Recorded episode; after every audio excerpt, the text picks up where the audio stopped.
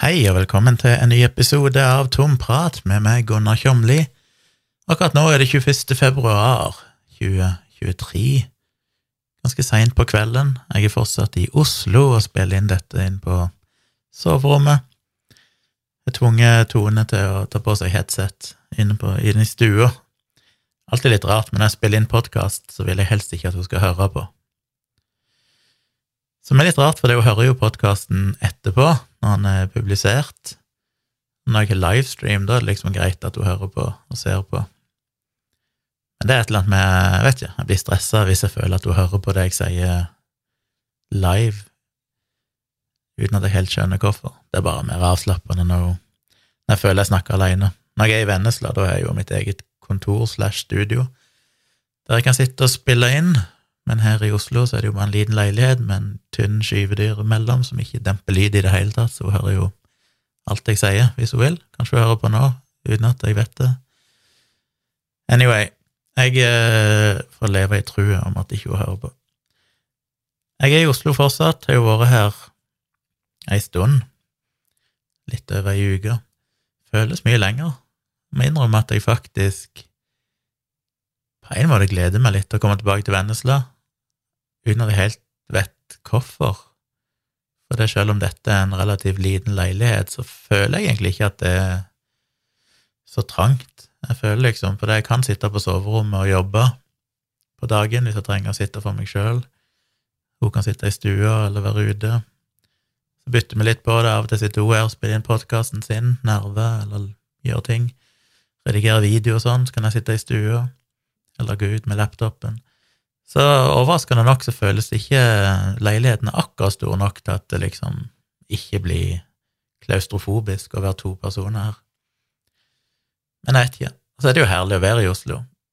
Sånn som nå, i kveld, så gikk vi ut og spiste igjen på Barcode Street Food, er det ikke det det heter? Teste ut noe nytt. Tone tester ut den uh, tilsvarende jeg hadde sist, på den her afrikanske kiosken, eller hva du skal kalle det, boden men hun prøvde en annen ting enn det jeg hadde, som hun syntes var veldig, veldig god, som var vegansk. Og jeg smakte så vidt på den, og den var veldig god. Så den må jeg teste ut en gang. Denne gangen gikk jeg for en eh, thailandsk nudelrett. Den mest spicy de hadde, selvfølgelig. Gikk jo for den hotteste de hadde. Og den var akkurat passe sterk, og var egentlig veldig god. Så Så ja. Det, det, er jo en av de tingene med Oslo, at du kan gå ut og, og få litt variasjon. Når jeg er hjemme i Vennesla, spesielt når jeg er alene, så er det jo ikke veldig spennende liv. Som jeg har sagt før, det er stort sett jobbing og soving og litt kikking på YouTube. Litt rasking på tredemølla. Så, eh, men det er et eller annet. Jeg vet ikke. Syns det er litt fint med variasjon. Så vi reiser hjem, kjører hjem til Vennesla i morgen kveld, vil si onsdag kveld, etter at Tone har vært tatovert seg litt og sånne ting. Så vil jeg helst kjøre Jeg vil ikke kjøre Vi kunne i teorien kjørt i 450 når hun er ferdig, men da er det mye trafikk, og erfaringsmessig så blir du fort stående i litt kø og sånn ut av byen. Det gidder jeg ikke. Det er mulig det er annerledes når det er vinterferie. Jeg blander alltid høstferie og vinterferie.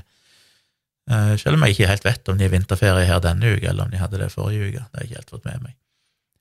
Men uh, muligens det er annerledes. Men uansett så er det for sikkerhets skyld. Det er ikke noe hastverk. Det er ikke noe jeg må rekke, Så om jeg kommer hjem klokka ni i morgen, eller om jeg kommer hjem klokka tolv i morgen, har liksom fint lite å si. Så det er litt deilig å kjøre litt seint når det roer seg litt på trafikken. Og som jeg sa sist, det å kjøre på motorveien utover kvelden når det nesten er tomt for biler, det er ganske behagelig. Så de meldt litt regn og sånn på veien. Men jeg tror ikke det blir noe snø, så jeg regner med det skal gå greit. Det skal vel være overkommelig føre. Mange plussgrader. Uh, ja, når jeg kjørte inn her forrige uke, så var det jo fuckings ni og ti grader på de varmeste plassene på veien, så det er jo litt absurd midt i februar, men sånn er det. Sånn er det blitt. Men vi skal hjem Tone skal være med meg, som sagt, være hjemme i Vennesland noen dager sammen med meg. Dattera mi, Maja, hun skal komme. Foreldrene mine kommer en liten tur ned på lørdag. Tar toget fra Jyland, som er nærmeste stasjon til Tonstad, der de bor, ned til Vennesla. og så henger de mokke noen timer, og så stikker de tilbake igjen. Det blir bare en sånn dagstur. Så det er vel det som skjer. Tone blir vel til tirsdag, tar hun toget tilbake igjen til Oslo alene. Og så får jeg se litt hva jeg gjør, det er vanskelig å planlegge. Jeg kommer nok til å få veldig mye jobb å gjøre i neste uke, så jeg eh, passer sånn sett fint å bare stenge seg inne og være alene og jobbe. Og så får jeg se når jeg reiser tilbake igjen til Oslo. Det får ta litt så det kommer. Forhåpentligvis Eller forhåpentligvis forhåpentligvis Jeg liker jo egentlig å kjøre. Jeg koste meg jo sist når jeg kjørte inn alene. Eh, overraskende nok ble jeg ikke trøtt eller noen ting, bare hørte på podkaster og koste meg. Så det er jo deilig, det òg. Eh, problemet er jo det med at du, vi må betale litt for parkering og sånn, det blir ekstra kostnader. På den annen side sett, hvis jeg må kjøpe buss- eller togbillett, så koster jo det òg penger. Men det koster vel bare omtrent halvparten av det parkering gjør hvis jeg skal stå parkert i et par uker. Så det er fortsatt billigere å reise med, med tog eller, eller, buss. Så mest sannsynlig neste, neste gangen jeg reiser til Oslo, så blir det vel eh, via offentlig transport, fordi den nå tror jeg ikke jeg kommer til å trenge å dra med meg flere store ting, som er grunnen til at jeg måtte kjørt noen ganger i det siste. Og så er det jo det med pakking. Jeg er jeg er blitt booka inn til et foredrag i begynnelsen av mai. Jeg skal jo ta bilde på et utdrikningslag dagen før, så det blir liksom å reise inn til Oslo. Eller jeg er sikkert planlegger vel at jeg er her i Oslo i den perioden.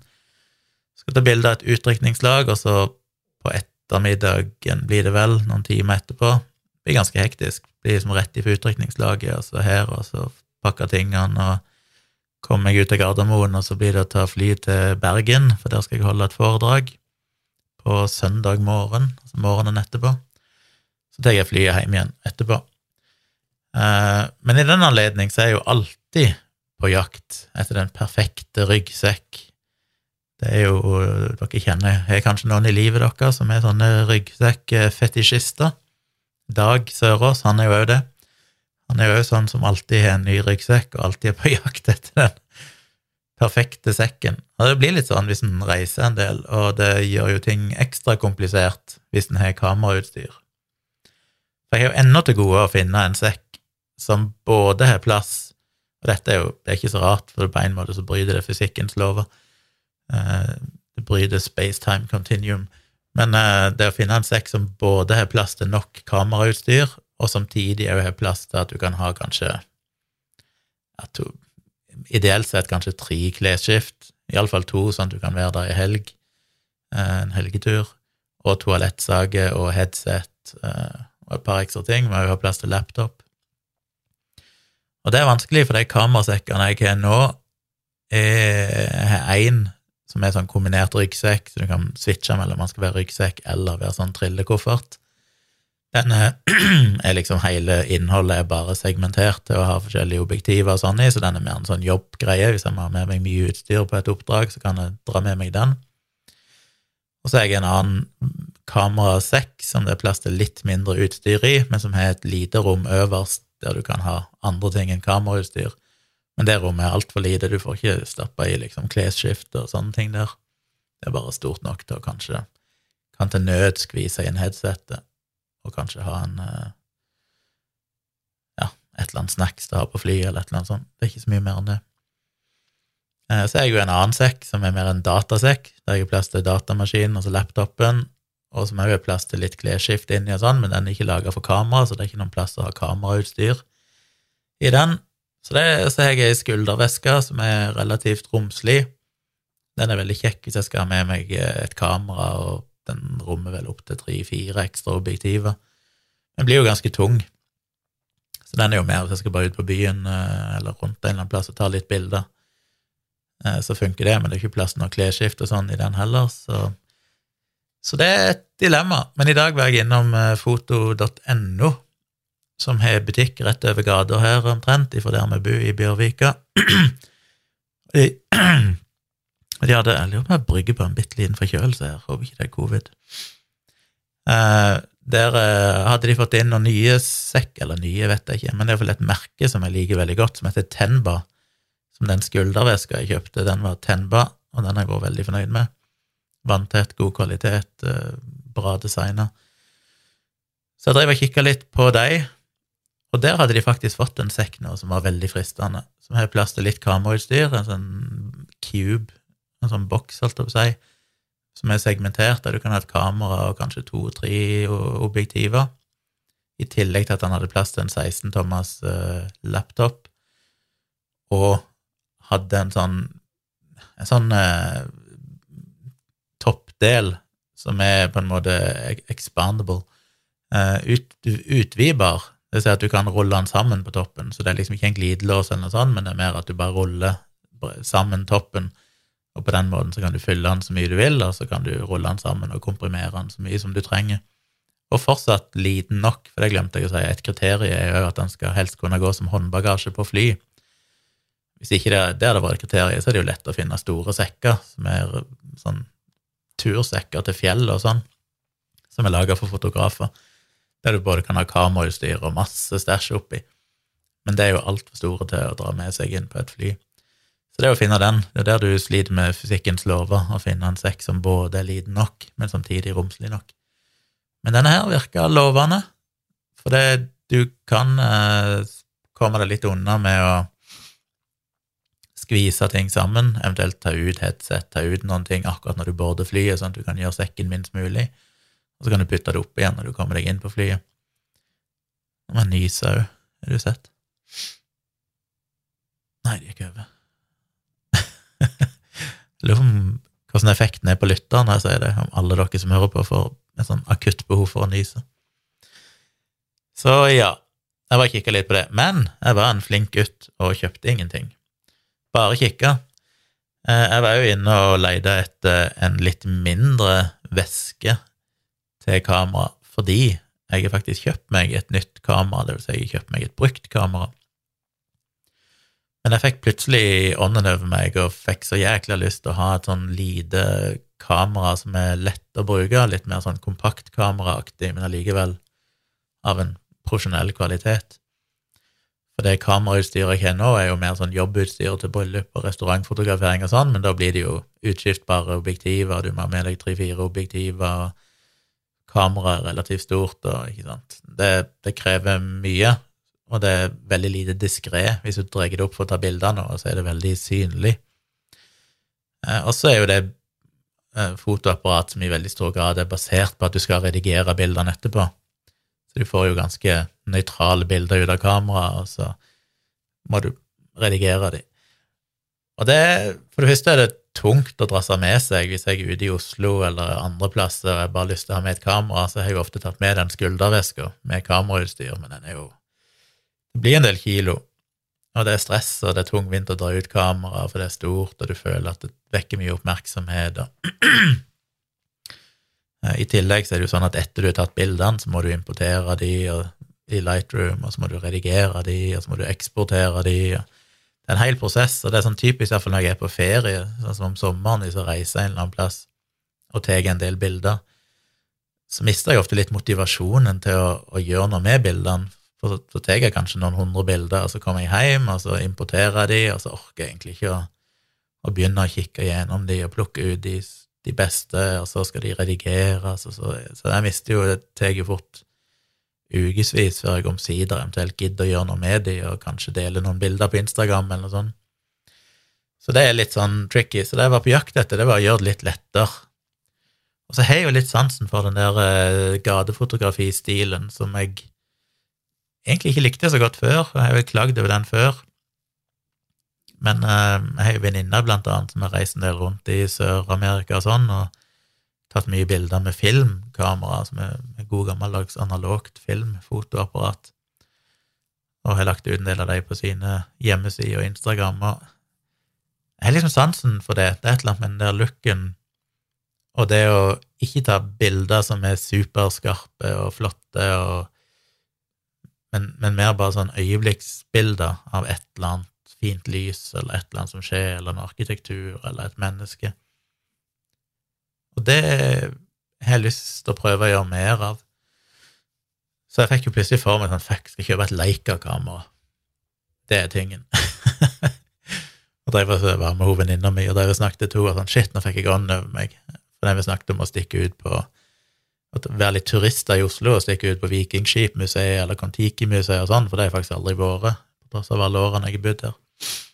Og da fikk jeg for meg at å, men hvis jeg reiser en sånn plass, så må jeg ha med meg et kamera.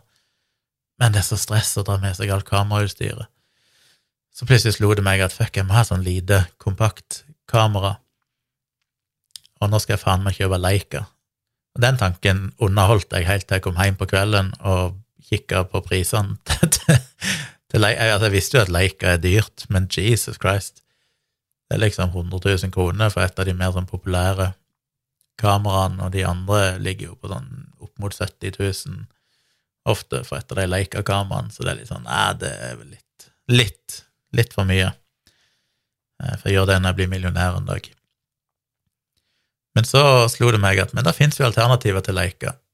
og endte til slutt opp med å oppdage Jeg har ikke fulgt med i dette markedet, men oppdaga at det som er all the rage for tida, er Fujifilm X100V som er et sånn relativt lite kompaktkamera, designa litt som sånn gode, gammeldags analoge fotoapparat fra 70-tallet. Det minner veldig om et sånt kamera som pappa hadde når han var i Kenya eh, på 80-tallet, og som han òg hadde tidligere i Afrika, i Zambia, Tanzania og sånn, som er liksom sånn svart lærretterligning på nederste halvdelen, altså sånn vanlig metallfarge på øverste delen, med liksom sånn skrubrytere for å sette innstillingene dine for å sette lukka tid og sånn, istedenfor at du gjør alt digitalt på skjermen og inni kameraet, så kan du liksom manuelt sette alle tingene.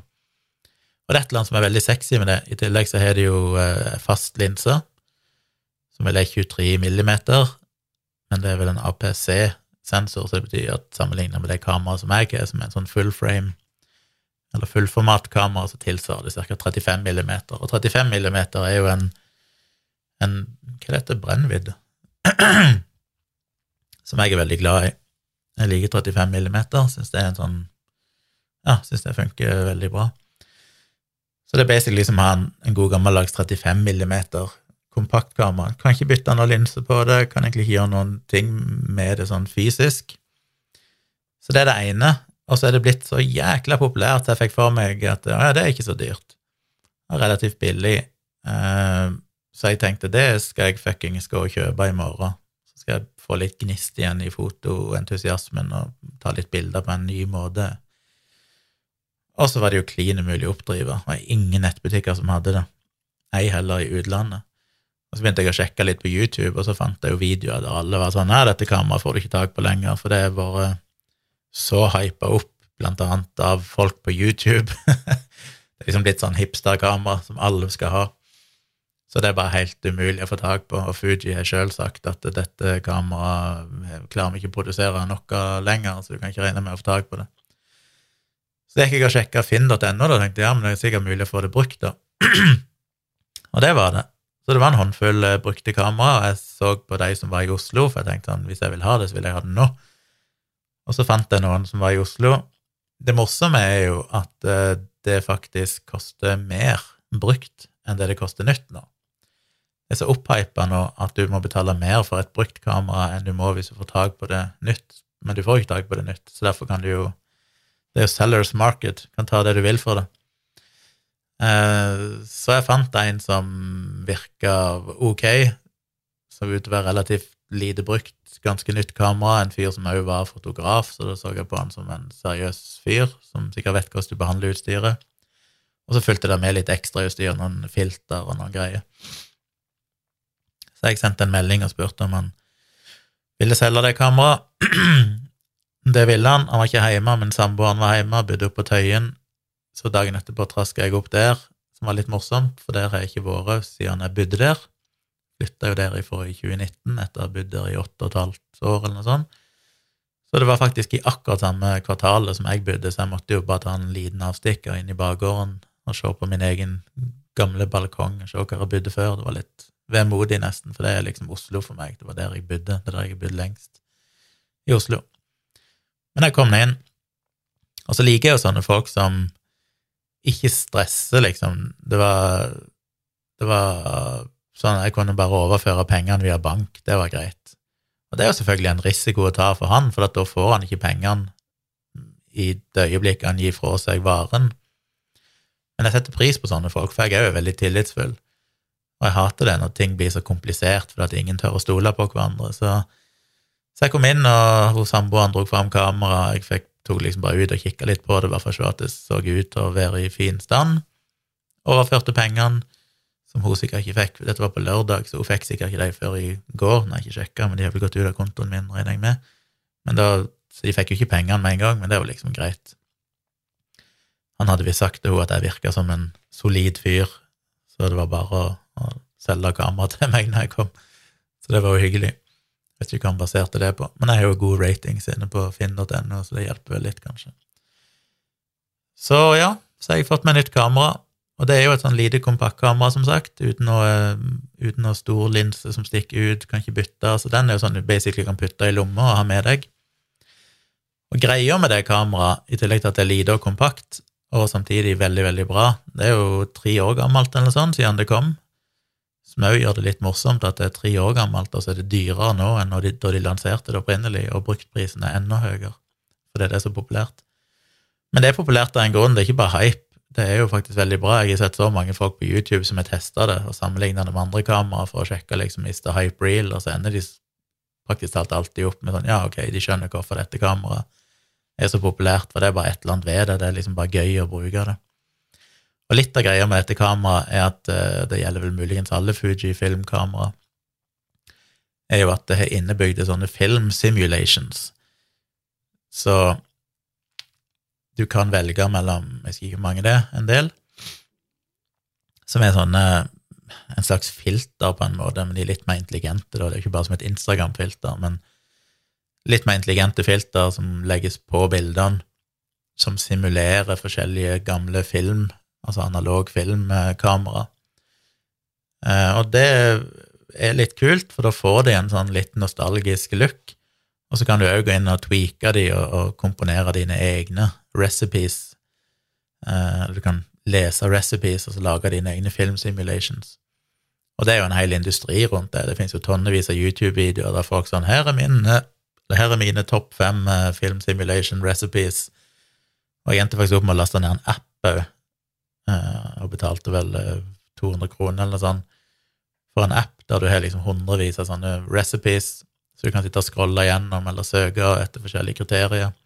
Og finne så er det eksempelbilder, så kan du se sånn ser den bra ut, og hvis du finner en du liker, så står liksom oppskriften da hvorfor noen innstillinger du må endre for å få den, looken. Og litt av tanken er jo at du du, du, kan ta rå-bilder òg. Altså, raw-format er jo at bildet bare inneholder dataen fra sensoren, basically, uten at den gjør noe med det, så du får bare et helt Ikke helt sant, men tilnærmet nøytralt eh, ei fil som bare inneholder nøytrale data som du importerer i f.eks. Lightroom eller Photoshop, eller hvor du måtte redigere de. Og så kan du da sjøl justere farger og hvitbalanse og alt mulig sånn etterpå. Mens her kan du òg ta JPEG-bilder, at han lager et ferdig JPEG-bilde. og du kan i teorien redigere et JPEG-bilde òg, men det er mye mindre muligheter der før du liksom begynner å se at det fucker opp bildet. Med ei raw-fil så kan du gjøre veldig mye, da du kan pushe de veldig langt med å endre liksom lysstyrke og alt mulig sånn. Så det er litt mindre muligheter, men tanken min, og tanken til de fleste som kjøper det kameraet, er jo nettopp å gå vekk ifra det med at du skal sitte og redigere bildene lenge etterpå. Og så er det en relativt god mobilapp òg eh, som du kan laste ned, som jeg har gjort, som du kan connecte med wifi til kameraet. Og dermed ta bilder, slenge de over på mobilen umiddelbart. Så kan du selvfølgelig redigere de litt der på en eller annen mobilapp hvis du skulle ønske det, men du kan òg bare slenge de rett ut på Instagram. Så det er jo egentlig tanken min. Uh, og jeg har jo brukt noen dager nå, tre dager eller sånn, på å sitte og se videoer og lese, og, for jeg er jo sånn, jeg må skjønne alt med kameraet mitt. Jeg må gjennom hele menyen, og hvis det er en eller annen innstilling jeg ikke skjønner hva er, så må jeg google den og finne ut hva det denne innstillingen gjør. Og det tror jeg jeg har kontroll på. Jeg tror jeg vet hva alle tingene i, i kameraet er nå. Jeg føler meg ikke komfortabel før jeg vet liksom alle tingene du kan gjøre. Og har fått satt opp for Du kan sette opp kamera på tusen forskjellige måter etter det som passer deg og din måte å fotografere på.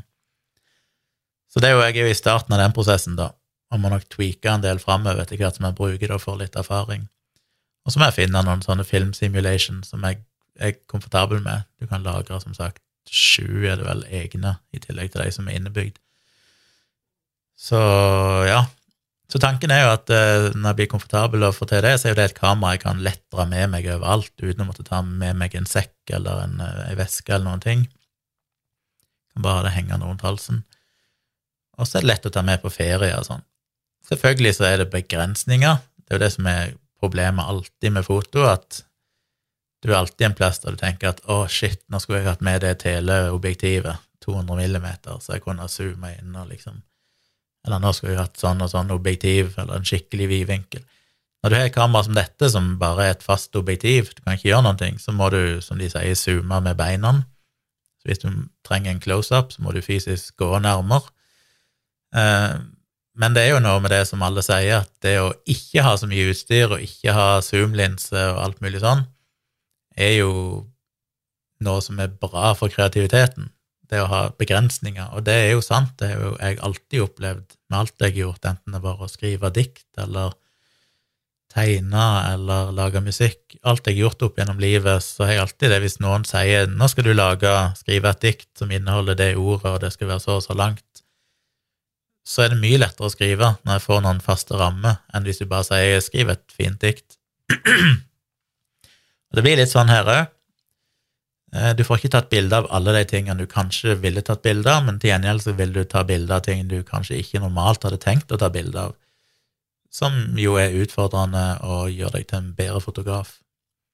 Og så er jo spørsmålet tør jeg reise på en ferie det er klart, reiser jeg til Japan eller et eller annet sånt en gang i framtida, så vil jeg nok ta med mer utstyr, for da må jeg ha mulighet til å ta litt mer proffe bilder.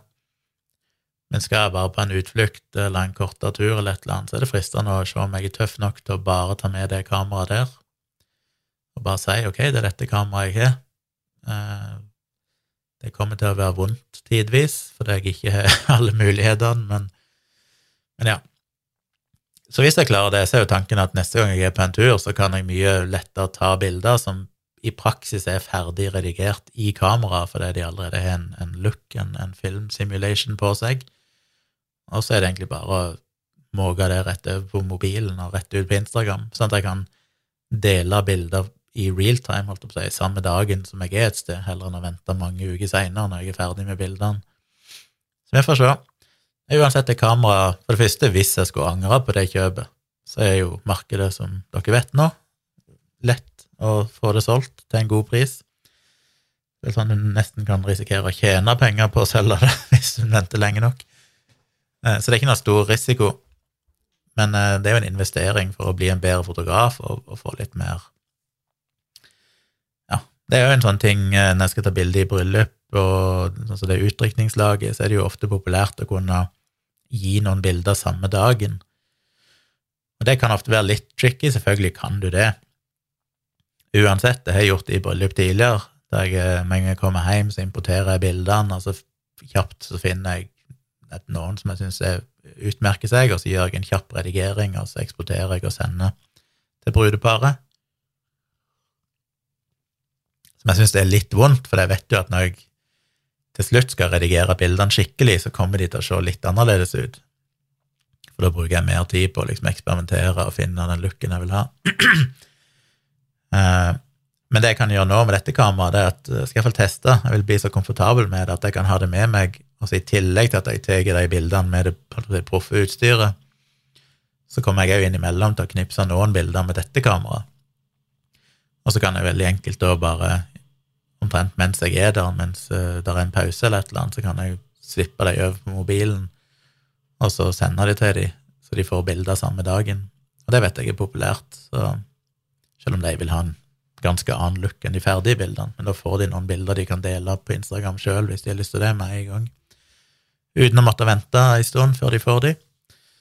Så det åpner for en del muligheter. Vi får se hvordan jeg bruker det. Jeg syns det er gøy. Gleder meg til å få testa det ut enda mer. Men det var derfor jeg skulle inn til foto.no, for å kjøpe ei lita veske som jeg kan ha den i, sånn at han ikke nødvendigvis bare henger rundt halsen min, jeg, og heller ikke ligger i lomma, men jeg har ei lita hendig veska. Jeg fant dessverre ingen som Enten var de akkurat litt for store, eller så var de akkurat litt for liten, små. Jeg Fant liksom ingen som eh, traff eh, blink helt, men det er ikke noe hastverk, så jeg får se. Anyway, det var nok om kamera. La meg eh, Sorry, her hikker jeg og snufser og nyser og alt. Um, sånn er det her i Oslo. Det har jo vært mye som har vært debattert i det siste. Dere er sikkert drittlei av alt. Jeg skal ta et par ting som har vært eh, debattert, eh, som jeg bare følte for å si noe om, for jeg syns verden er så idiotisk. Det ene er jo dette her med Nasjonalmuseet og dette maleriet av Christian Krogh som eh, Hva heter Leiv Eriksson oppdager Amerika, eller ser Amerika, eller et eller annet sånt. Som da ble flytta, og så var det vel hun Hva er det hun heter?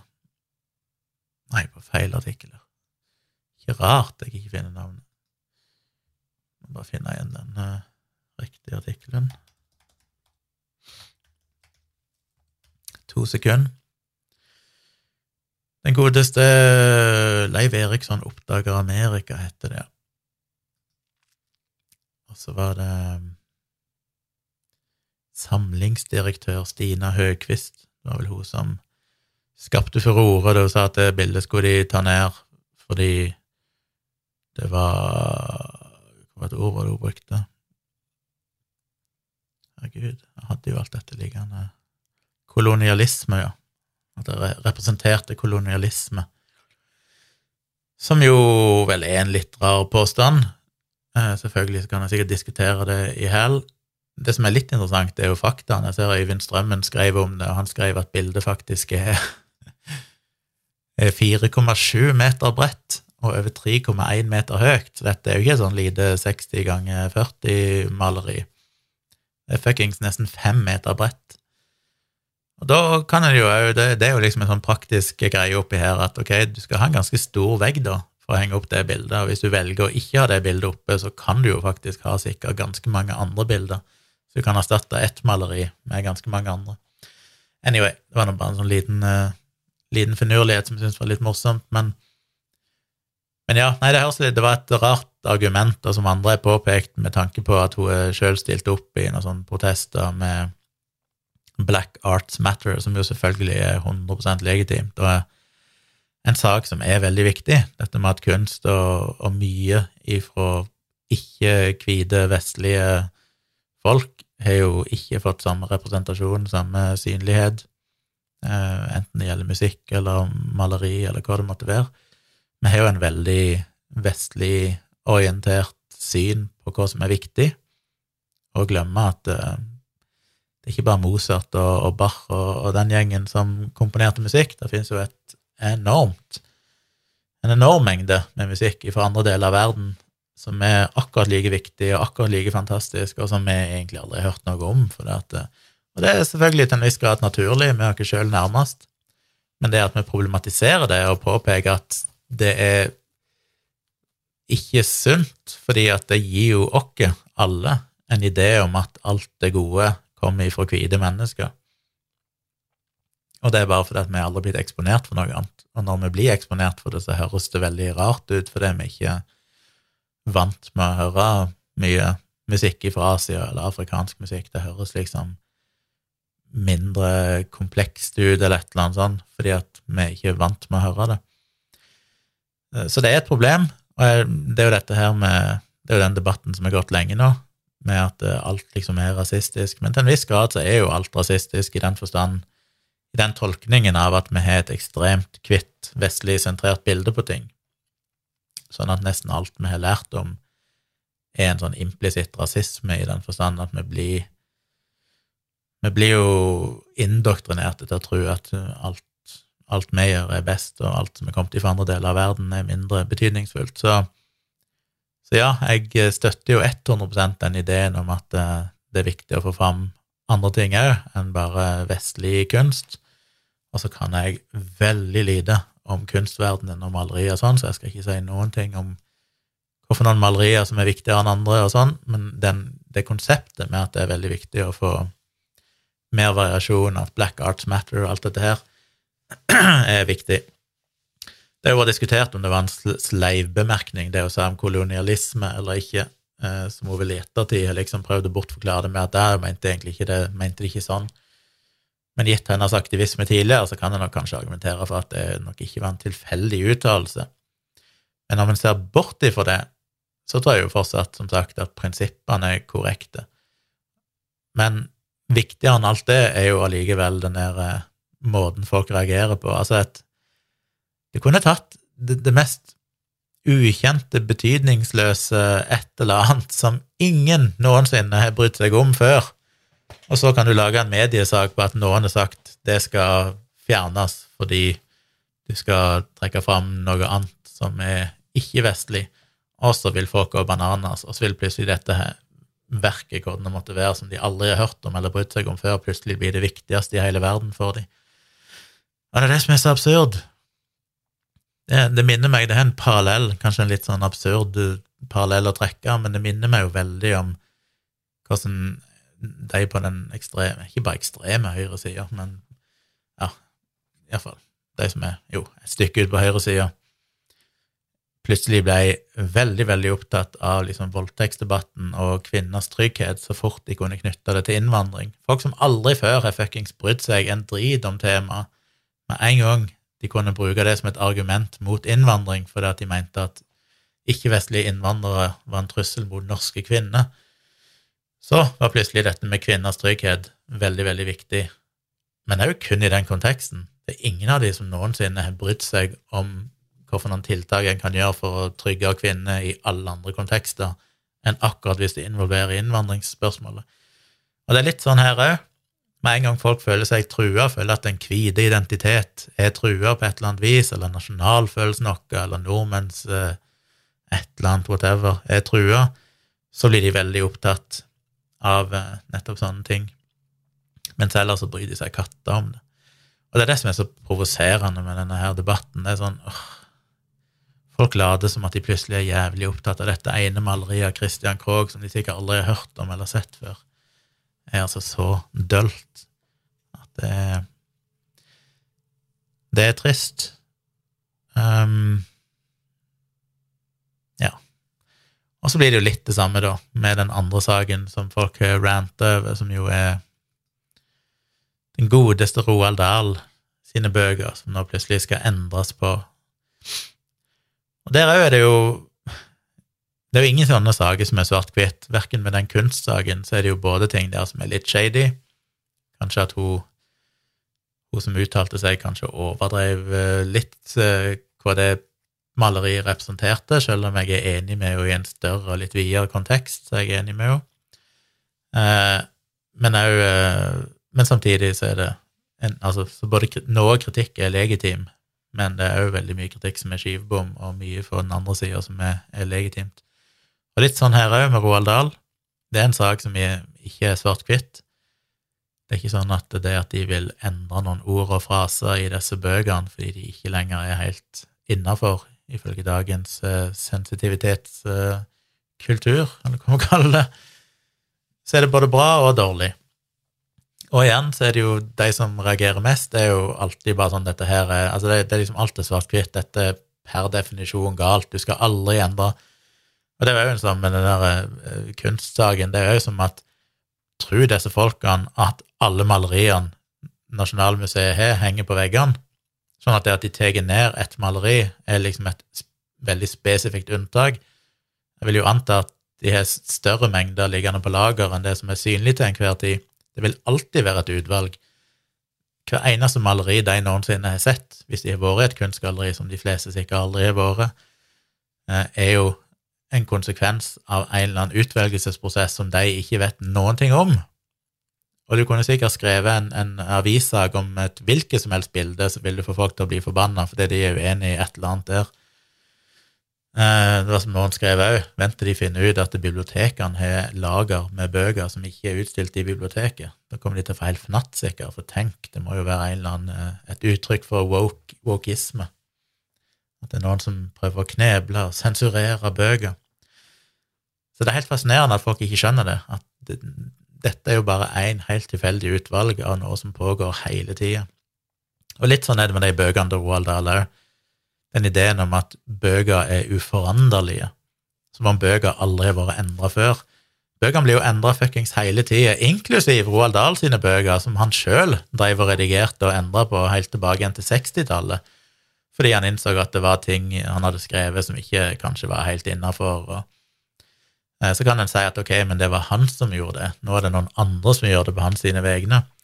Og så er det jo en stor debatt om hva det som ligger bak. Ja, Netflix har kjøpt opp rettighetene til Roald Dahls bøker, og det er vel kapitalistiske tanker som egentlig ligger bak. Og det er jo det som jeg syns er så morsomt, hver gang de snakker om sånne sensurting, at noen har blitt cancela av Netflix eller et eller annet sånt.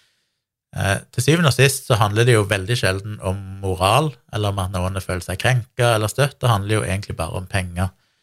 Og det gjør det jo her òg. De vil jo selge flest mulig av Roald Dahl sine bøker, de vil selge flest mulig rettigheter eller muligheten til å kunne lage filmer eller hva det måtte være. Og da må jo innholdet være så spiselig som mulig, sånn at de ikke skal risikere å støte vekk seere. Det handler om penger.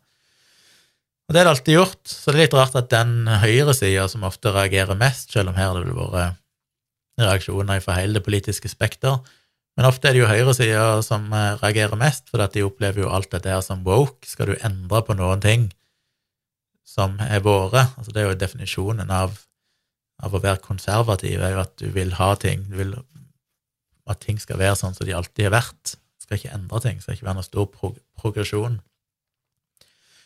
Uh, så, uh, så, henger jo det gjerne òg sammen da, med folk som er opptatt av nettopp kapitalisme som uh, den beste måten å la verden fungere på, så det er jo litt rart at det blir en fullstendig krasj når det til syvende og sist er kapitalisme som gang på gang nettopp fører til det de gjerne omtaler som woke, selv om det teknisk sett ikke er det. Og det er vel en viss grad av feighet òg, det er vel det vi snakket om, det er dialogisk meg og Dag. Det som er kanskje mest skuffende når du ser de Det er jo noen tilfeller der folk har blitt på en måte cancela, iallfall midlertidig, som fremstår som veldig rart og uten noen god grunn. og som regel så er det jo fordi at en eller annen har vært feig og tenkt at det er kanskje best vi ikke har denne personen med i denne filmen, for da kan vi risikere å tape penger. Altså, det er alltid kapitalisme, det er alltid penger som ligger bak. Men det er litt synd at det ikke er noen som kan oftere stå opp, for det er jo ikke det at de egentlig sjøl føler seg krenka eller egentlig bryr seg ræva om hva som er skjedd, det er jo bare det at de er redd for å tape seere eller lesere eller lyttere eller hva det måtte være. Så til syvende og sist er det jo en form for feighet. Av og til skulle en ønske at noen sto opp eh, litt oftere og bare sa at fuck this, dette er faktisk riktig, uavhengig av om vi taper penger eller ikke. Og Så er det interessant å se hva de har endra i disse Roald Dahl sine bøker, eller hva de skal endre. Nå er jo dette i England i første omgang, og i NRK hadde jo en, eh, en lang liste. Noen av de har vært omtalt andreplasser, men her hadde de vel en komplett liste over alt som skulle bli endra. Og mye av det er jeg jo enig i, og jeg tror det som er viktig, som jeg vel så noen skrev på Facebook i en kommentar, som jeg syns var et godt poeng, det er jo det at eh, når du, når du tar denne debatten, tenk deg at du skal sette deg ned med ditt fem år gamle barn og lese ei bok for dem.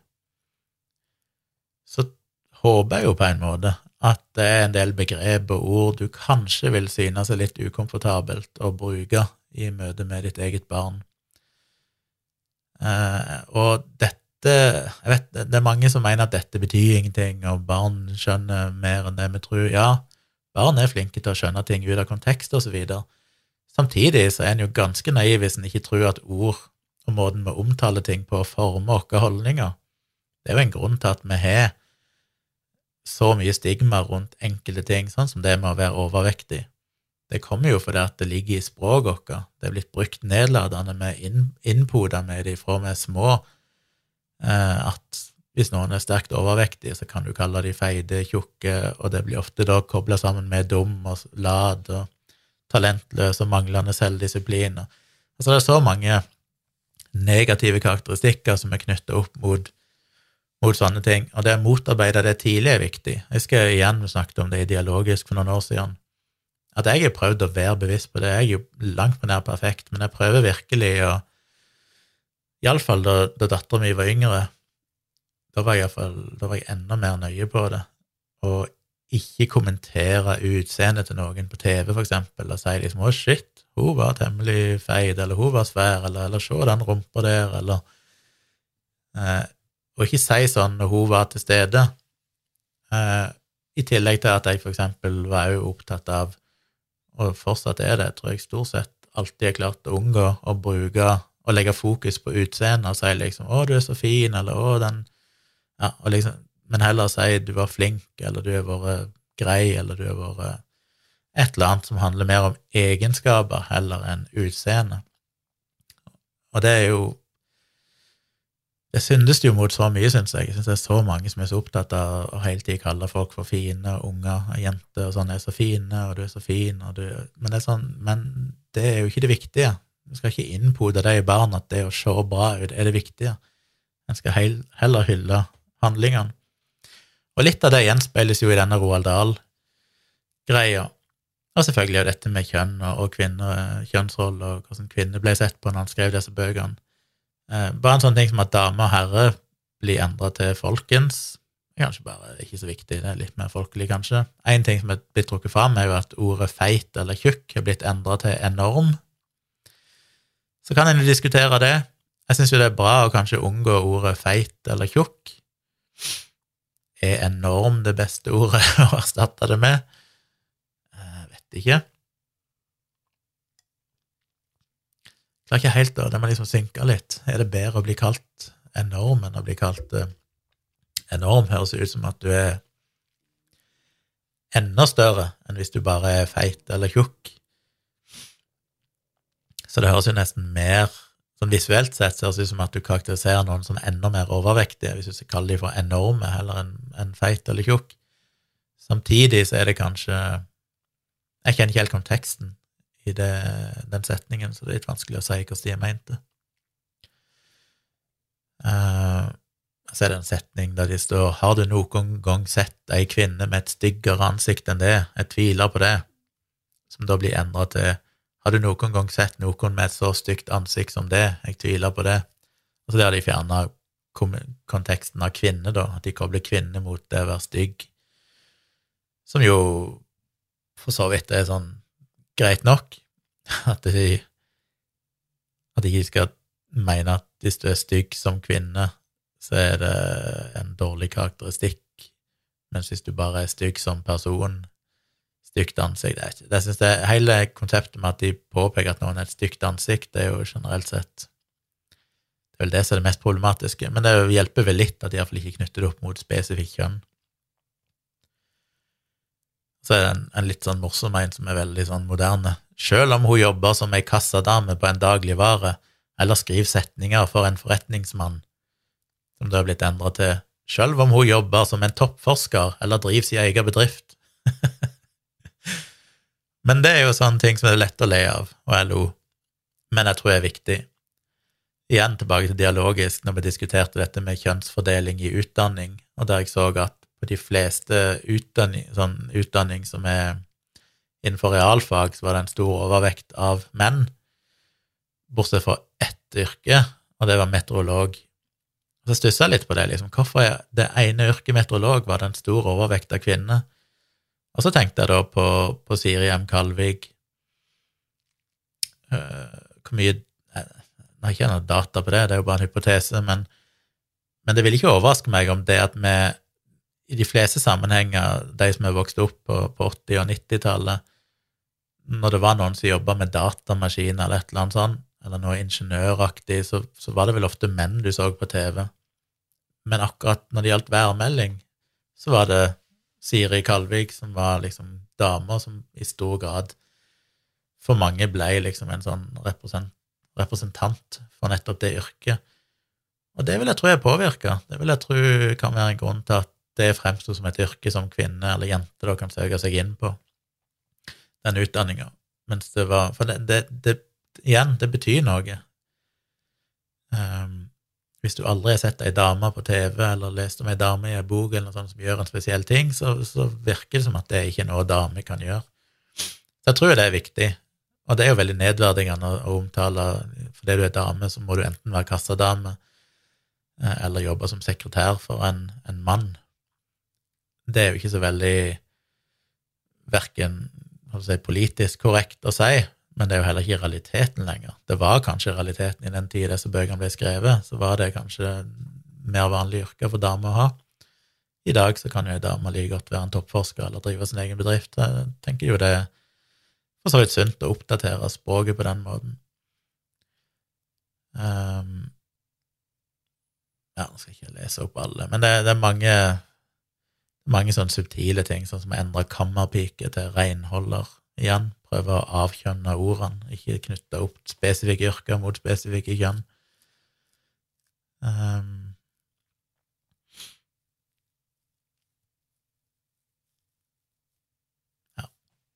Anyway, dere skjønner greia. Jeg lenker til disse artiklene, så dere kan lese ordene sjøl. Poenget mitt er bare det at jeg sliter litt med å skjønne hva som er negativt med det.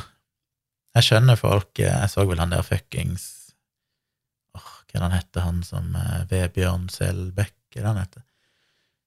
Som var ute og syntes dette her var forferdelig, for han er jo alltid imot alt som skal, kan fremstå som woke. Uh, og så, så, skrev han vel eksplisitt neste vel at de skal begynne å endre på Bibelen. Så var det noen som kommenterte at uh, Bibelen har jo blitt endra noen ganger, og han bare nei. Og jeg bare hæ? Men det finnes jo så mange versjoner av Bibelen det er jo en grunn til at vi har liksom Gudene vet hvor mange tusen forskjellige kristne retninger som finnes, og veldig mange av de har sin egen tolkning av Bibelen og sin egen versjon av Bibelen. Hvordan går det an å late som at Bibelen er på en måte Guds uforandra ord, som selvfølgelig er den endra seg både gjennom tolkninger, men også modernisering av språket? Helt ufattelig at han kan skrive noe sånt. Men igjen, det er jo bare et eksempel. altså Alle bøker blir jo modernisert, blir endra litt over tid. Ofte så hører vi jo aldri noe om det, og det er jo igjen så er jo dette bare sånn Folk raser fordi at en eller annen avis har retta oppmerksomhet om det, mens alle andre tilfeller der dette skjer, som aldri hører om, er det jo ingen som bryr seg om, for da er det ikke, da er det ikke noe status i å liksom ta opposisjon mot det. Men ja, det skjer vel hele tida. Eh, så kan en diskutere hvor langt det skal gå. Dette igjen, det er ikke svart-hvitt, det er gråsone. Jeg tenker vel at enkelte ting kan være sunt, og igjen, hvis dette var bøker for voksne, så hadde jeg tenkt at det var ganske unødvendig. Men jeg tror det er viktigere når det er for barn, fordi måten vi omtaler eksempel kvinner, hvilke yrker kvinner kan ha, har en betydning. Så kan en jo selvfølgelig prefikse det med å si nå skal jeg lese en historie til deg, men husk at dette ble skrevet for 80 år siden, eller hva det nå er for noe. Eh, så det, det representerer ting sånn som det var da, det er ikke sånn nå lenger. Men det er sånn Vil det egentlig synke inn? Eh, det tviler jeg på. Pluss at det vil være et veldig lite mindretall av de som leser en sånn bok eller gir det til ungene sine, som faktisk vil komme med den nyanseringa. Så det er jo til syvende og sist det som faktisk står i boka, som er det viktige, og det som påvirker. Og så lenge du ikke går inn og endrer intensjonen med historien og alt dette her, så tenker jeg det er fornuftig å endre noen ord her og der. Eh, jeg tror verden blir bedre av å gjøre det enn å ikke gjøre det. Jeg sliter litt med å skjønne, skjønne argumentasjonen til de som er så ekstremt imot det, enten at én, de er bare imot alt som er, alt som er progressivt fordi de mener det er woke, så blir det bare en sånn politisk motstand uten noen grunn. Um, ja. Jeg vet ikke hva annet det skulle være. Kan, kan de virkelig mene at verden blir dårligere av at vi fjerner dårlige ting? Det er vel liksom sånn, De mener at ja, men det er viktig å bevare historien, sånn vi husker hvordan det var. Ja, er det egentlig det? Hvis dette er bøker som skal leve med oss i, i kanskje hundrevis av år til, så tenker jeg vel at uh, det kan være sunt og at de ikke er noe For du kan alltid trekke litt ytterpunktene. Hvis dette her var bøker som inneholdt ekstremt drøy rasisme, skal han fortsatt ikke endre noen ting på det? En kan selvfølgelig tviholde på det og si nei, men hvis han skrev det rasistisk, så må det være rasistisk. Men det er sånn, ok, men da kommer jo aldri de bøkene til å bli solgt i noe stor grad mer. Eh, ønsker du å sitte og lese ei bok for dine unger som inneholder et grovt rasistisk språk, en grov rasistisk karakter karakterisering av folk fra Afrika, eksempel. Jeg tror ikke det. Jeg håper ikke det. Jeg håper ikke du er komfortabel med å sitte og lese det til ungene dine som om det er liksom helt normalt. Eh, så en vil vel stort sett at sånne ting skal omformuleres eller fjernes. Og det er jo det som alltid er i disse debattene, at du kan alltid finne eksempler der jeg tror de fleste ville vært enige, så mens de fremstiller det som at det er en sånn svart-hvitt-sak, som at vi skal aldri endre noen ting, så tror jeg de fleste er enige om at det fins eksempler på at enten så må du bare skrinlegge boka og si at ok, denne boka kan vi ikke selge lenger, for den er så rasistisk, eller inneholder et eller annet som er helt uakseptabelt, eller så må du gjøre endringer og si ok, vi modifiserer den litt sånn at den fortsatt er spiselig for dagens publikum. Eh, til og med Astrid Lindgren sa jo at det var ting hun skrev om Pippi Langstrømpe som hun angra på. Når hun ble spurt seinere og sa at var, hadde hun skrevet det på nytt, ville hun ha endra ting i Pippi Langstrømpe som hun følte ikke lenger var helt det der med negerkonge, at faren hadde blitt negerkonge, og hva det var for noe. Det var ting hun ikke ville skrevet nå, så jeg mener til og med forfatteren sjøl, og som sagt Roald Dahl har jo sjøl endra ting og mente at det var ting han skrev som ikke var helt innafor. Så er det litt rart at folk som lever mye, mye seinere og har null peiling på dette egentlig, plutselig skal være så ekstremt bastante og kategoriske på at nei, dette er per definisjon galt, når forfatteren sjøl mente at det faktisk var ting som burde endres. Så, så ja, igjen, Folk bryr seg veldig om ting med en gang det kommer i media, og så er det ting de egentlig ikke bryr seg om. Og om to dager så har de glemt det og kommer aldri til å engasjere seg i akkurat det mer. Så det er ganske bortkasta tid. Hvorfor har jeg egentlig snakka om det i en time her nå? Det er gudene må vite. Over til noe mer eh, viktig, holdt jeg på å si. Det er noen studier som er dukket opp i løpet av dagene som er gått siden forrige episode,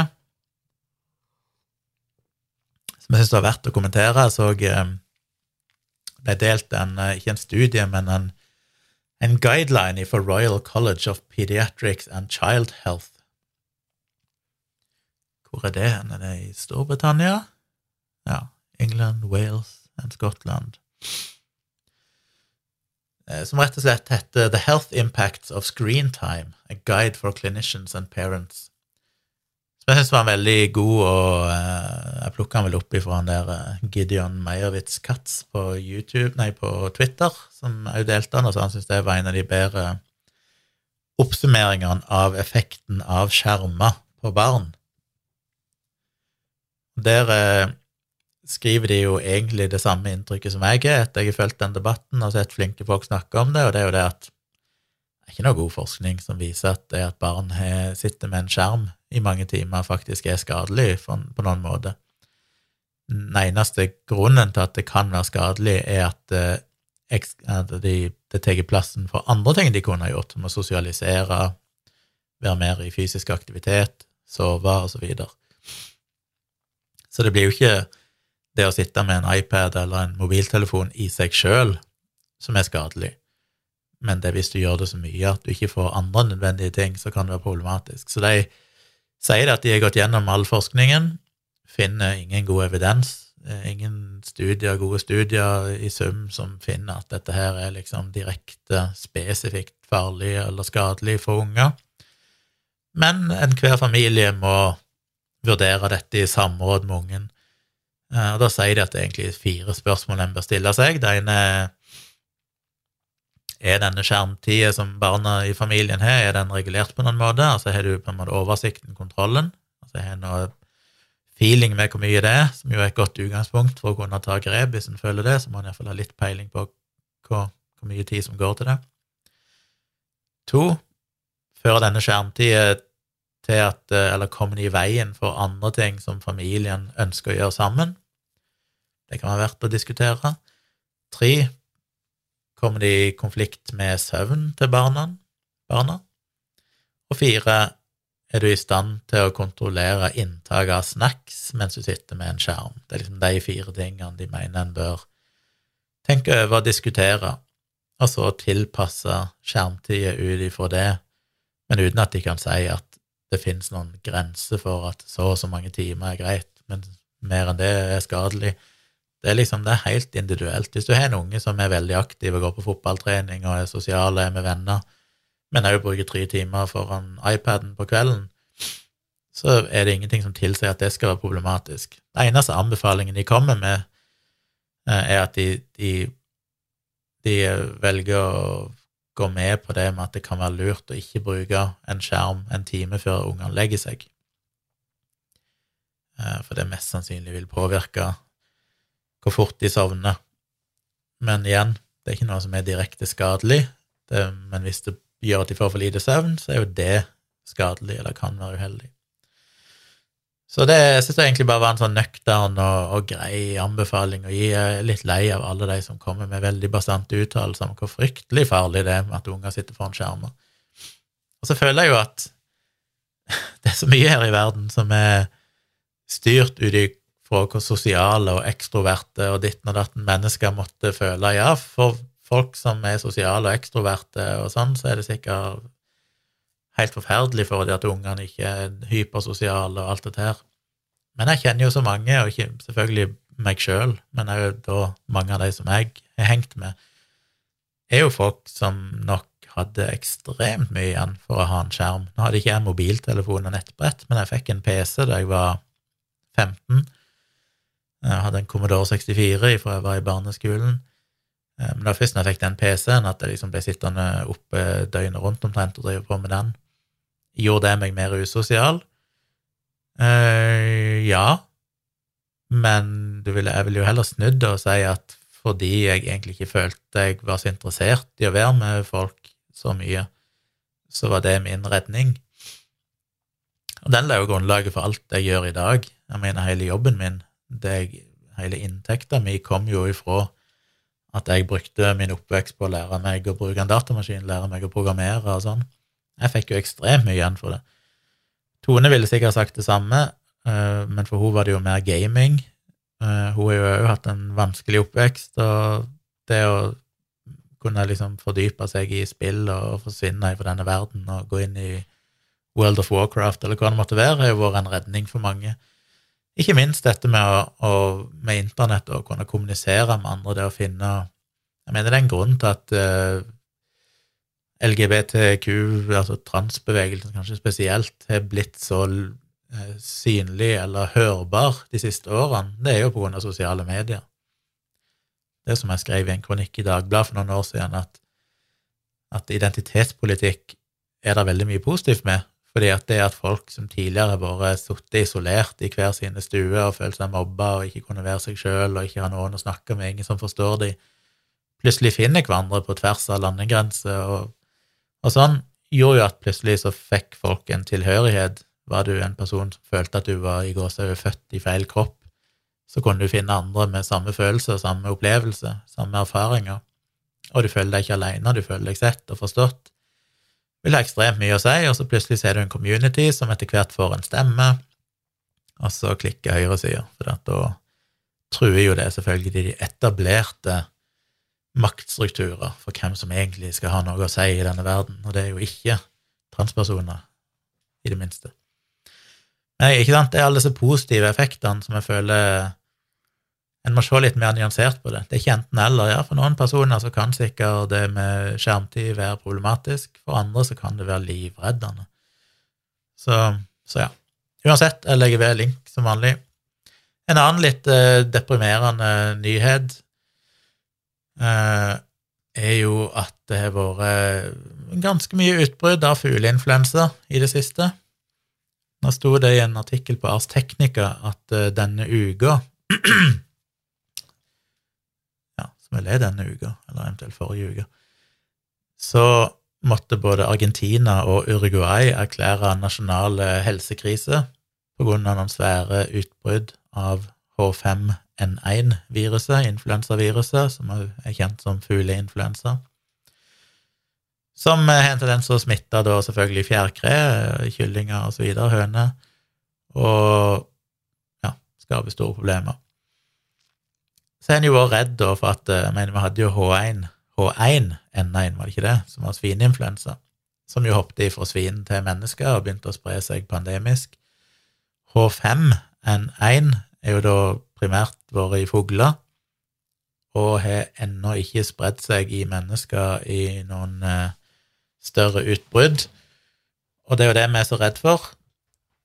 Og de fleste spår vel at hvis det skal komme en ny pandemi som virkelig er farlig, vesentlig farligere enn covid-pandemiene våre osv., så, videre, så er det jo nettopp H5N1. Og det har jeg sjøl sagt og skrevet om tidligere, at det er vel den tingen jeg ser for meg at ikke ikke helt umulig, vil skje i vår levetid. Det kan godt være til neste pandemien, som vil være for, Ikke forhåpentligvis Eller jo, litt forhåpentligvis. Eh, mye verre enn covid-pandemien er vel nettopp fugleinfluensa. Det som er litt skummelt nå, det er at eh, nå er det vel ti søramerikanske land som nylig har, hatt sitt første møte med nettopp H5N1-viruset. Eh, og i Peru så var det mer enn 50 000 ville fugler som endte opp med å dø i fjor høst, og mer enn 600 sjøløver døde i januar.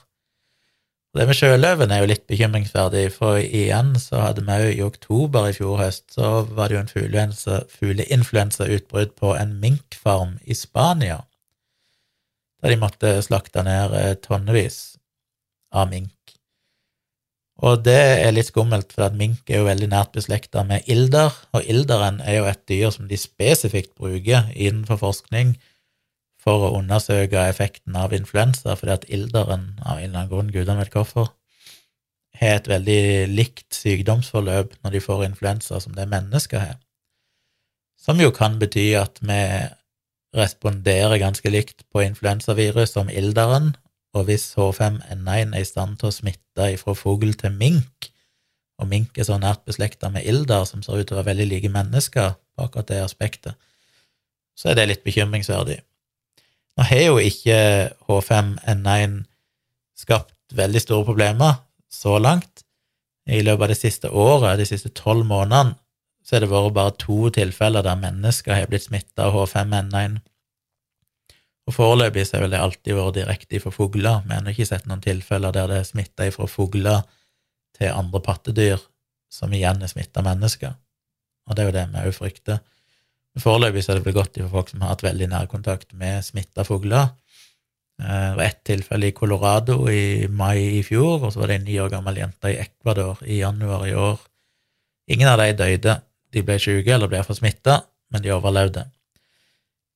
Og foreløpig, som sagt, har vi ikke sett noen tilfeller at det er smitta fra andre pattedyr til mennesker, men eh, det at det nå er smitta fra fugler til pattedyr, altså både mink og sjøløve, og at det òg har smitta mellom dem igjen, altså fra pattedyr til pattedyr innenfor samme arten, er jo et steg i feil retning.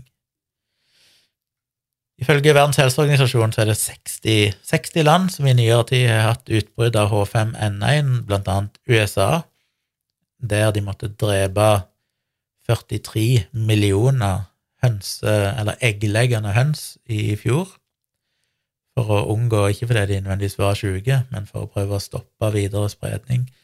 Det var faktisk en tredjedel av alle, høns, nei, alle eggleggende høns i uh, USA, og det førte jo til at prisen mer enn tredobla seg på egg eh, i 2022 sammenlignet med 2021. Det ble så eggmangel i USA.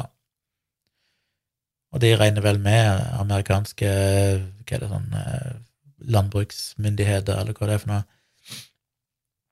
De regner vel med at rundt 58 millioner dyr, primært eh, kyllinger og kalkuner og litt sånn, enten døde eller måtte drepes i 2022 i USA.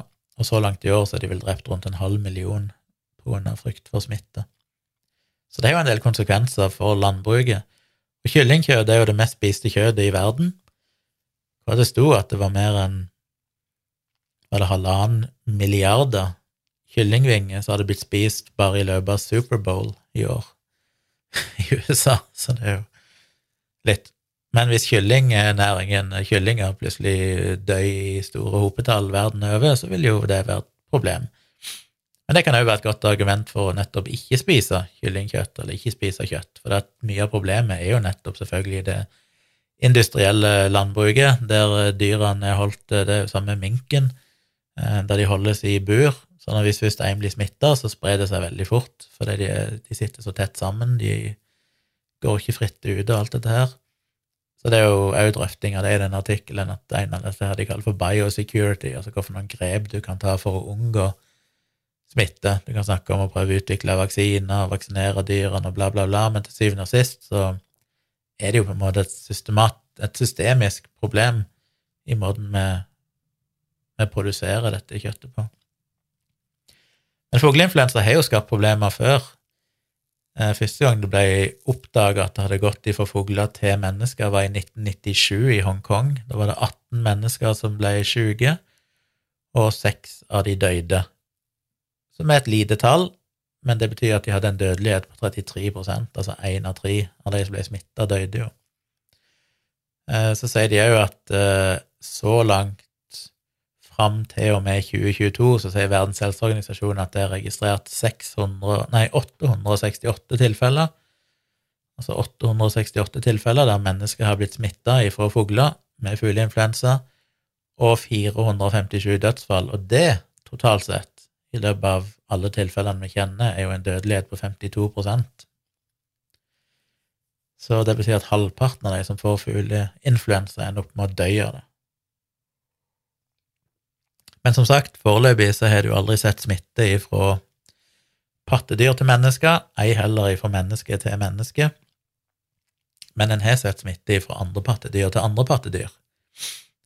Så det er jo et hakk nærmere, så jeg vet ikke. Det er lett å bli pessimistisk og tenke at det er vel bare et spørsmål om tid, litt evolusjon. Så er en der. I det øyeblikket du får en eller annen variant av fugleinfluensa som kan smitte ifra menneske til menneske, så har en det jo gående. Og det er klart, hvis den dødeligheten, den de første, Det var jo litt sånn med covid òg, at de første tilfellene så får en et veldig skeivt tall på hva dødeligheten egentlig er, for det er kanskje mange som har blitt smitta av fugleinfluensa, som aldri kanskje har blitt syke, og du får aldri registrert det i statistikken. Så ofte så er det jo veldig vanskelig å finne de reelle dødstallene. De fremstår ofte kunstig høye i starten, og så synker de ganske fort når en får litt mer overblikk over hvem som og får måter å diagnostisere folk på og sånne ting. Så jeg tviler vel på at dødeligheten er så høy i praksis hvis det skulle bli en epidemi eller en pandemi. Men en relativt høy dødelighet, eh, sannsynligvis høyere enn eh, covid-19, er vel rimelig å anta. Så hvis du får en, en pandemisk versjon av det viruset der, så er vi temmelig fucked. Det kan jo bli interessante tilstander. Det mest interessante er jo selvfølgelig at selv om du fikk et virus som, døy, som drepte la ikke si 5 av ellers friske folk, som jo ville være helt ekstremt, så vil de fortsatt ha disse, akkurat de samme vaksinemotstanderne som vi har hatt de siste årene, ville ha benekta det, hevda at det var myndigheter som drepte folk, de hadde forgifta drikkevannet, eller det var vaksine, eller det var et eller annet. Det er det som er det mest deprimerende. Det er sånn at Vi fortjener jo å bare dø.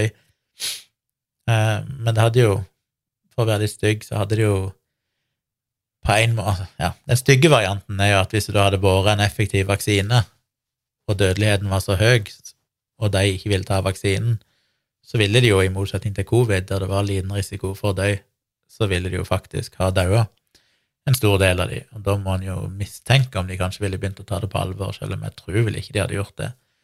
Jeg mener, jeg har jo tidligere diskutert med folk som mener at hvis de hadde fått uh, rabis, eller rabies, som jeg kaller det, nordmenn sier vel rabis, som jo er en 100% dødelig sykdom, med et, noen, en håndfull unntak som har overlevd uh, av veldig spesielle årsaker, men i utgangspunktet så er det 100% dødelig. Eh, med mindre du får en vaksine innen hva er det? Leste jo nettopp det. Er det to dager etter smitte, eller er det 14 dager etter smitte? Det er, sånn, er vel relativt kort tid iallfall etter smitte, så kan du få en vaksine, og da vil den som regel være 100% effektiv, omtrent. Men hvis ikke du får den vaksinen, så er du død.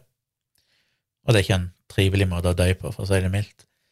Eh, da var det en diskusjon blant sånne vaksinemotstandere, for det var vel et eller annet utbrudd med noen hunder eller ulver eller et eller annet på Svalbard eller et eller annet for en del år tilbake. Og da var spørsmålet liksom, hvis du hadde blitt bitt eller blitt smitta av rabies, ville du da tatt vaksinen? Eller ville du tatt, eller ville du da tatt vaksinen, var vel spørsmålet. Jeg lagde en bloggpost om dette, husker jeg, med screenshots av den tråden. Og da svarte jo så godt som 100 av de at nei, det ville de aldri. De ville heller tatt eh, C-vitaminer og diverse ting. Og det er sånn, ok, Covid for en voksen, friskt menneske veldig liten sjanse for å dø. Rabies 100 sjanse for å dø. og du er, en, du, altså, er en 100% dødelighet, og du er en 100% effektiv vaksine. Som er, er, sånn, det er liksom drømmescenario i en, i en vaksinedebatt, der du både har en vaksine som er så godt som 100% effektiv mot en 100% dødelig sykdom. Ville du ha tatt vaksinen? Og så sier de nei. Så det betyr jo at eh, hvis du hadde en sykdom som fugleinfluensa som fem, hadde en dødelighet på 5% eller 1 som òg ville vært ekstremt, eh, og en vaksine som var ekstremt effektiv, så, jo, så, jo, så vil jo fortsatt disse folkene latt være å ta vaksinen. Og den stygge tanken er jo at ja, men det er jo fint, det er vi kvitt de. Det er litt sånn, det er litt sånn hvis du er så dum, så fortjener du ikke annet. Ulempen er jo selvfølgelig to ting. Det ene er at de vil sannsynligvis da heller ikke la sine barn bli vaksinert, og det blir jo da uskyldige offer. Og nummer to, til og med de mest ekstreme vaksinemotstanderne er jo offre, ofte ofre for eh, bare en, en, tragisk situasjon. Det er ikke eh, nødvendigvis de mest kompetente oppegående folkene som har kommet til et rasjonelt valg, men det er helt andre grunner til at de er vaksinemotstandere, som egentlig fortjener mer sympati enn eh, irritasjon. Så sånn sett så ville det selvfølgelig ikke vært greit, men, men ja. Fugleinfluensa, vær litt obs på den. Eh, det går i feil vei. Det kommer ikke til å hjelpe med global oppvarming, som gjør ting verre. Der det blir enda mer eh, tett eh, samhold mellom dyr og mennesker, og dyr trekker inn på menneskers områder som de tidligere ikke har vært på, og alt dette her, som driver fram større risiko for smitte mellom arter, og mye som skjer. Og det faretruende signaler. Og så er jeg på den siste tingen nå. Skjermtid, Roald Dahl Ja, jeg tror jeg er på det siste, og det var jo en studie på covid, som sikkert noen av dere har fått med dere. Det er publisert en artikkel på forskning.no om det for ei ukes tid siden, nei, fire dager siden, som var litt interessant. Det var en eh, der forskere har fulgt, ifølge tittelen her, en hel region i Italia for å sjekke hvordan det gikk med folk etter koronavaksinene. Det vil si at de har fulgt faktisk så mange som 316 000 personer som bodde i den italienske regionen Pescara fra januar 2021 til juli 2022, altså basically i halvannet år, der de samla inn helsedata om alle 316 000 menneskene, og så kunne de da følge de gjennom hele den perioden i halvannet år og se hvordan gikk det med de, for da har de helsedata på alle og kan få, få data fra register hvis noen av de blir registrert med en eller annen sykdom. Det de var spesielt opptatt av, var hjerteinfarkt, hjerneslag, hjertestans, betennelse i hjerteposen, altså eh, Det er det som er perikarditt, eller betennelse i hjertemuskelen, som vil er myokarditt, eller så er det motsatt, og blodpropp i beina. For det er jo de tingene som eh, en har vært mest bekymra for etter vaksinen, om vaksinen kan føre til økt hyppighet av disse tilstandene. Og så de fulgte spesielt med på de. Det var ikke bare tilfeldige sykdommer, men de som altså er spesifikt bekymra for, og det var rykter om at vaksinen kan føre til. Og det de fant, var at det ikke var noen overhyppighet blant disse sykdommene eller tilstandene hos de som hadde fått vaksinen, sammenlignet med de som ikke ble vaksinert. Altså ingen indikasjon på at vaksinen økte risikoen for noen av de tilstandene. Resultatene ble kontrollert for alder og kjønn og risiko for sykdom, så selvfølgelig så må du sammenligne de hvis det er f.eks., som det vel sannsynligvis er, flere gamle i den gruppa som ble vaksinert, enn i den gruppa som var uvaksinert, så må du selvfølgelig kontrollere for det. Ellers vil det jo fort se ut som at vaksinen er farlig, fordi at ja, gamle folk generelt sett har større risiko for disse tilstandene, uten at det har noe med vaksinen å gjøre. Men de kontrollerte altså for det. Jeg vil jo anta at hvis du bryter ned disse dataene, for det, det er fort gjort at du kan gå glipp av ting hvis du generaliserer over alle aldersgrupper. Jeg tror dette muligens bare var folk over 18 år. Eh, men hvis du ser på subgruppeanalyser, så vil jeg vel anta at du ville se en overhyppighet av eksempel eh, myokarditt eller perikarditt hos unge menn. Det har jo relativt godt dokumentert i andre studier. Men på samme måte som med de andre studiene, hvis du da generaliserer det til alle voksne og begge kjønn, så forsvinner på en måte den ørlille eh, risikoen. Så en kan sikkert finne små variasjoner, men generelt sett så fant de ikke det. Det som er kanskje mer interessant, er jo at selvfølgelig den totale dødeligheten av alle sykdommer var signifikant høyere blant de uvaksinerte enn hos de som fikk minst én vaksinedose. Akkurat det samme fant de jo i nye data som ble publisert eh, nå, så jeg på Twitter, i Storbritannia. Der de nå publiserte data som sammenligna de som hadde fått minst én dose eller mer. De hadde òg data for de som hadde fått uh, to boosterdoser, altså én og to boosterdoser og sånn. Eh, Sammenligna med uvaksinerte, og der òg ser du jo grafen for alle dødsfall i England, at det er en enorm overdødelighet blant de uvaksinerte. Så har riktignok den sunket mer og mer jo nærmere nåtid vi kommer, etter hvert som omikron-varianten kom, og, og, alt dette her, så har, de forskjellene blitt utjevna. Eh, men det skyldes jo eh, Ja, nei, det skal jeg ikke si. Men, eh, men ja, så de viser det samme.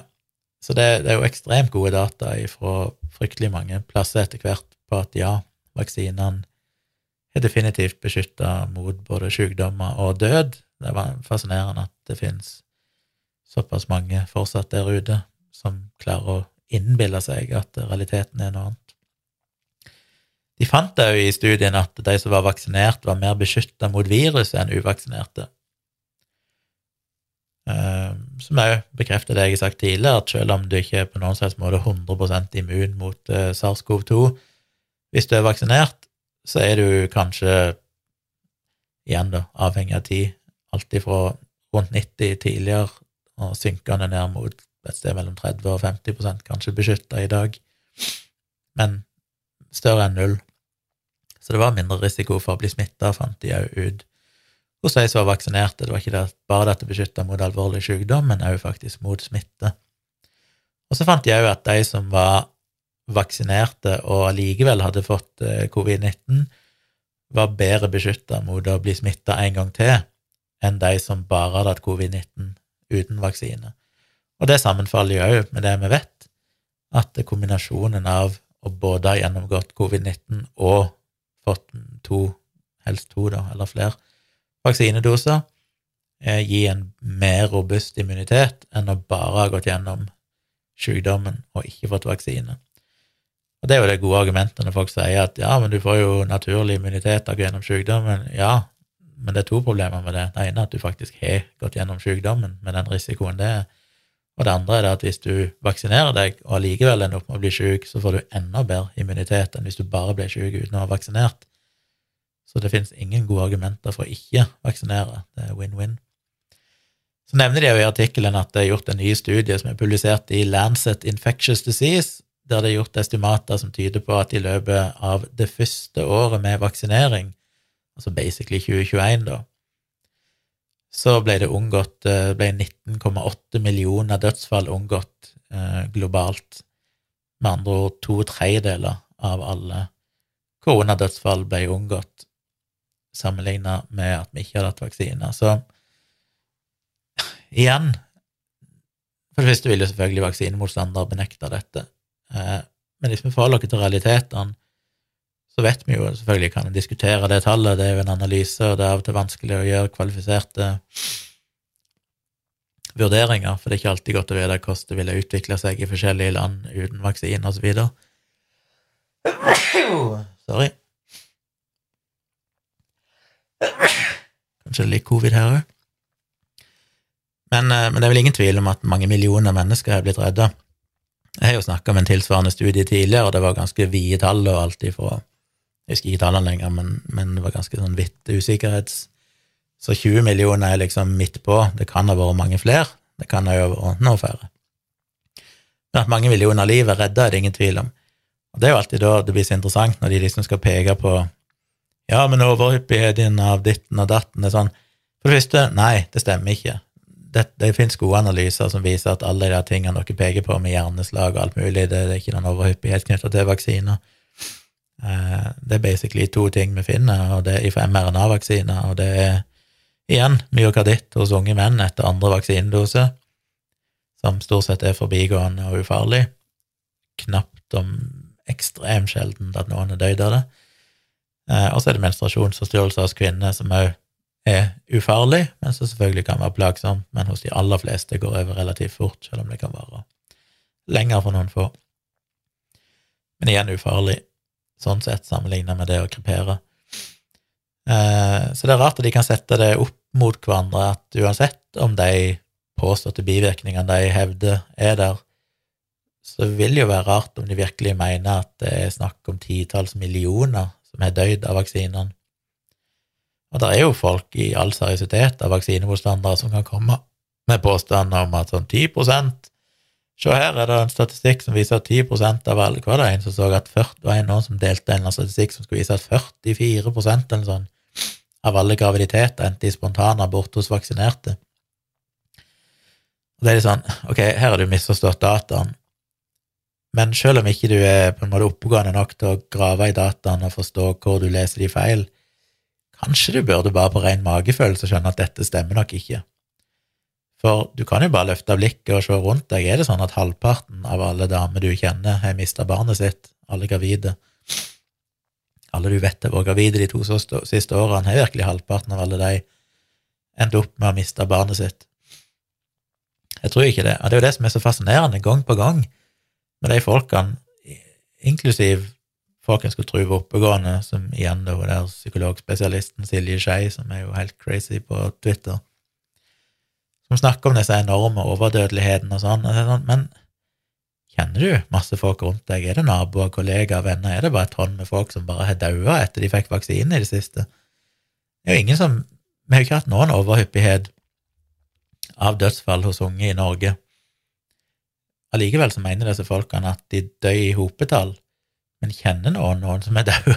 altså, det er sånn De kan leve seg inn i en verden der de forholder seg til en eller annen random crazy statistikk de finner på internett, uten å noensinne åpne vinduet og kikke ut og se hvordan er egentlig verden der ute, stemmer egentlig dette overens med, med noe som ligner på mine erfaringer? Det ser ikke ut til at det plager de i det hele tatt. Uh, men ja. Anyway, godt å få gode data etter hvert, som igjen bekrefter hvor viktige vaksinene våre. At de funker, at de i veldig liten grad skaper problemer for folk. Som vi jo egentlig har visst, men uh, mer data er alltid godt. Og veldig interessant med denne type studier, som faktisk følger så mange mennesker over halvannet år og kan sammenligne vaksinerte med uvaksinerte. Atter i gang. Så det var vel alt jeg hadde. Det ble jo en, eh, en lengre episode. Som sagt, reiser hjem eh, i morgen til Vennesla. Satser vel på at uh, får spilt inn podkaster hjemme i hjemmestudioet mitt en liten periode framover. Og jo satser på livestream igjen. Kanskje gudene vet når. Kanskje ikke før neste tirsdag, får se. Uh, men iallfall, følg med. Det blir uh, det har vært litt pause for denne jeg er her, men jeg prøver jo å få gjort det når jeg er hjemme i mine vante omgivelser. Uh, ja, som vanlig, hyggelig om dere vil støtte meg på patrion.com slash tjomli. Det betyr mye for meg, og hvis dere ser på livestream, så er det mulig å superchatte meg, og du kan kjøpe meg virtuelle kaffer, og alt, alt dere gjør, støtter meg. For å støtte meg, hjelpe meg. Ikke minst å bestille bøker som dere kan gjøre på tjomli.com slash bestill. Kan dere bestille mine signerte bøker, eller lydbokvarianten hvis dere heller vil lytte til at jeg leser bøkene for dere. Hvis dere derimot blir patron, så får dere det gratis, lydbøker og foredrag og videoer og sånn. Det ligger der inne, pluss noen bonusepisoder, og denne podkasten da uten reklame, og litt før alle andre, hvis dere er ivrige på det. Så det er veldig hyggelig om dere reklamerer litt for podkasten både ved å gå inn og gi meg gjerne fem stjerner inne på Apple Podcasts og andre plasser du kan gi stjerner. Eventuelt skrive en hyggelig kommentar, men iallfall stjernene er viktig, det koster dere ti sekunder å gjøre det. Men enda bedre hvis dere er sånn Det er alltid så jeg blir så glad når noen deler en deler et eller annet på Twitter der de skriver at 'Jeg hørte Gunnar snakke om dette i podkasten'. Eh, det er alltid veldig god reklame, hvis dere syns jeg har sagt noe interessant, eller snakker om en studie som er interessant, eller sånn. Veldig kult om dere nevner det i Facebook eller Twitter eller et eller annet sted, og så lenker til podkasten, for eksempel. Eller iallfall omtaler den ved navn. Sorry at jeg maser om det, men det er klart, jeg vil jo helst nå ut til folk, så det er ikke så mye jeg kan gjøre sjøl, annet enn å produsere podkasten så godt jeg kan, og så er det litt uh, opp til dere å hjelpe med å spre det glade budskap. Det setter jeg enormt pris på. Anyway, jeg avslutter denne episoden. Tusen, tusen takk for at du hørte på så lenge. Og så er jeg tilbake igjen en gang i ja, senest i neste uke. Vi snakkes.